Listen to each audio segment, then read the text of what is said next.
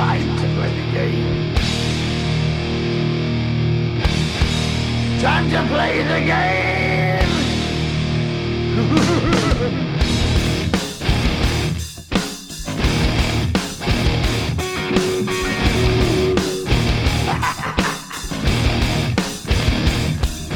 It's all about the game and how you play it. All about control. And if you can take it, all about your debt. And if you can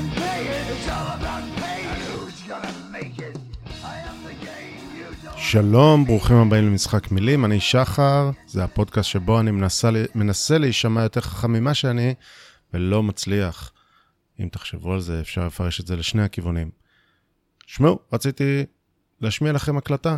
את ההקלטה הזאת אה, הקליט אה, יובל הראל, הכתב המשפטי של גלי צה"ל, והביא את הסיפור הזה נתנאל אה, דרשן, שהוא העורך של המילה האחרונה, שידרו את זה עירית לינור וקובי אריאלה לראשונה. Uh, ההקלטה הזאת היא, ש... היא מתוך כנס משפטי באוניברסיטת בר אילן, שמדבר על בחירות בעידן הדיגיטלי, וזו הקלטה של המשנה לנשיאת בית המשפט העליון, השופט חנן מלצר, שופט העליון חנן מלצר, שהיה יושב ראש ועדת הבחירות פעמיים, ועברו הוא גם התמודד במפלגת העבודה בפריימריז, ולא שובץ במקום ריאלי, אבל זה כבר uh, מחוץ לעניין. אז באותו כנס השופט מלצר מדבר על עורך דין, עורך דין שעותר הרבה מאוד לבג"ץ ולוועדת הבחירות, שמו שחר בן מאיר, שהוא אה, עובד על פי כללי המשחק, אבל ללא ספק הוא מוטה לצד אחד, כמו שיש עורכי דין כמו איתמר בן גביר, שהוא מוטה לחלוטין לצד ימין, אז עורך דין שחר בן מאיר הוא נוטה לחלוטין לצד שמאל, וזה לא סוד. אז אה, בואו נשמע את ההקלטה של חנן מלצר, השופט חנן מלצר מדבר על עורך דין שחר בן מאיר. אז ההחלטה אה, הראשונה זה מה שנקרא טבח 8 על 21, שזה עורך דין שחר בן מאיר.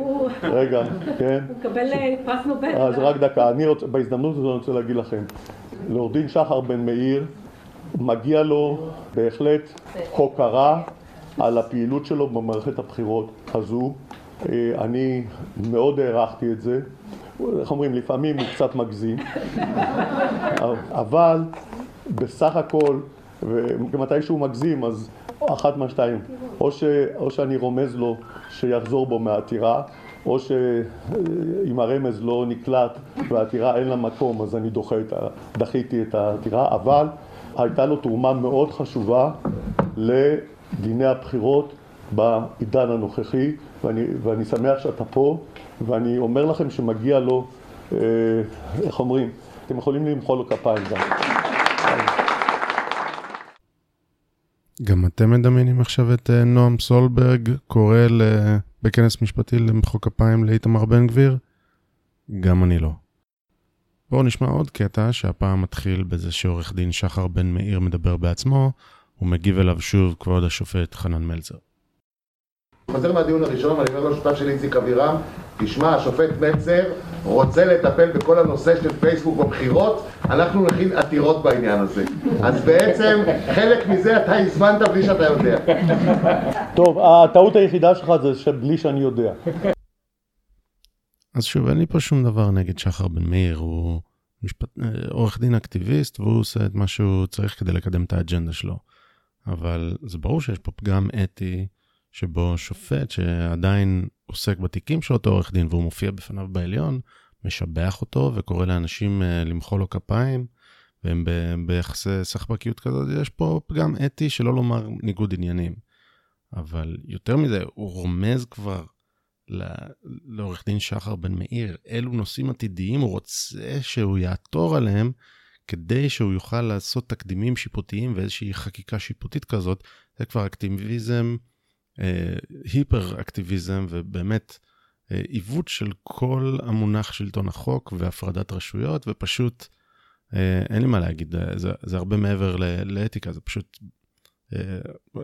פגיעה באיך שהשיטה עובדת פגיעה בדמוקרטיה זו הדמוקרטיה המהותית הדמוקרטיה של המשפטנים ומה שהדהים אותי איך זה יכול להיות. ש... חנן מלצר עושה את זה בפומבי, מתגאה בזה בכנס, וזה לא נשאר במחשכים, מבחינתו זה משהו שאפשר לצחוק ולהתבדח עליו בכנס עם הרבה מאוד אנשים מסביב. אני מה, יש פה דיסוננס? למה? זה פשוט השתנה מהמקפצה, ואין לו שום בעיה, הוא ממש לא, לא סופר אותנו, והוא משתין מהמקפצה. לא הבנתי איך זה קורה. ואז נזכרתי בסיפור, והסיפור הזה הסביר לי את זה טוב מאוד. הסיפור הזה הוא סיפור אמיתי שקרה לזוהר, אח שלי, שהוא השותף שלי פה בייצור הפודקאסט הזה. אה, זה היה סיפור מהצבא שלו, שהוא היה באחת היחידות ההתנדבותיות הקרביות, בסדר? אז יחידה שבאים אליה מלח הארץ, אנשים איכותיים, אה, ושניים מהחברים שלו היו מעורבים בסיפור הזה, נקרא להם ב' וי'. אה, אז ב', תמיד כשהוא היה הולך לשירותים, הוא היה רואה שיש כתמי שתן על המושב של האסלה. והיה חוזר מהשירותים, אומר לכל החבר'ה בצוות, חבר'ה, תפסיקו כבר להשתין על המושב. ת, תהיו, תתחשבו קצת בחברים שלכם, אל תשתינו על המושב. כולם אמרו, בטח, נכון, מסכימים, אה, ו- וזהו. ואז שוב הולך לשירותים יום אחרי זה, ואותו דבר, שתן על המושב, שוב מעיר לצוות, הוא היה משתגע מזה, ובסוף הוא אמר, אם אני תופס את הבן אדם שלא אכפת לו מחברים שלו ומשתין על המושב כל הזמן, אני חונק אותו. יום אחד הוא הולך לשירותים, והוא רואה שאחד החברים הכי טובים שלו בצוות, דווקא יוד, הוא זה שמשתין אה, עם המושב מטה. והוא אומר לו, יוד, מה דווקא אתה לא אכפת לך ככה, אתה מזלזל בחברים שלך, ולמרות כל הבקשות וזה, אתה לא שם עלינו? ככה אתה עושה את זה? יוד היה עמום, הוא אמר לו, על מה אתה מדבר? אמר, תראה איך אתה משתין ככה, על ה... אתה עושה את כל הכתמים האלה על המושב. אז אומר, יוד אומר לו, מה פתאום? תראה, הורדתי את המגן אסלה. אף אחד לא הבין על מה מדובר, ואז יוד הסביר. הוא אומר, כשאני, אה, כשאני משתין, אני מוריד את המגן אסלה, ככה שזה לא יפגע במושב. כשאני בא לשירותים לעשות אה, משהו אחר, אני מרים את המגן אסלה, ואז אני מתיישב על האסלה. בעצם, יוד כל החיים שלו פשוט אה, לא נחשף לעובדה שהוא רואה את העולם הפוך בכל הקשור לשימוש באסלה. וזה לא שהוא לא התבייש או זלזל בחברים שלו, פשוט, אה, פשוט ככה זה היה נראה לו שהוא, שהוא פועל נכון. אה, ולא היה לו שום ספק שהוא אה, הכי אתי והכי מוסרי, והוא לחלוטין לא מזלזל בחברים שלו, אלא יש לו את הכבוד העילאי אליהם. אז מה זה קשור? בעצם השופט המכובד חנן מלצר, כשאנחנו רואים מקפצה, הוא רואה אסלה. ואז כשאנחנו אומרים לו, השופט מלצר, למה אתה משתין מהמקפצה? הוא אומר, חבר'ה, אל תדאגו, מצאתי פה את האסלה הגבוהה הזאת, לא רק שאני, שאני שומר עליכם ממי שמשתין ממקפצות, אני גם מהאסלה הגבוהה הזאת, אני רואה גם הכי טוב את כל המקפצות, ואני אדאג שאף אחד לא ישתין מהמקפצה. אז זה כל הסיפור. כשאתה חי במגדל שן, שבו כל האנשים נמצאים כחלק אה, מקליקה סגורה, כולם מעורבבים אחד עם השני, אז פשוט כל מקפצה נראית כמו אסלה, זה הכל. תודה שהאזנתם.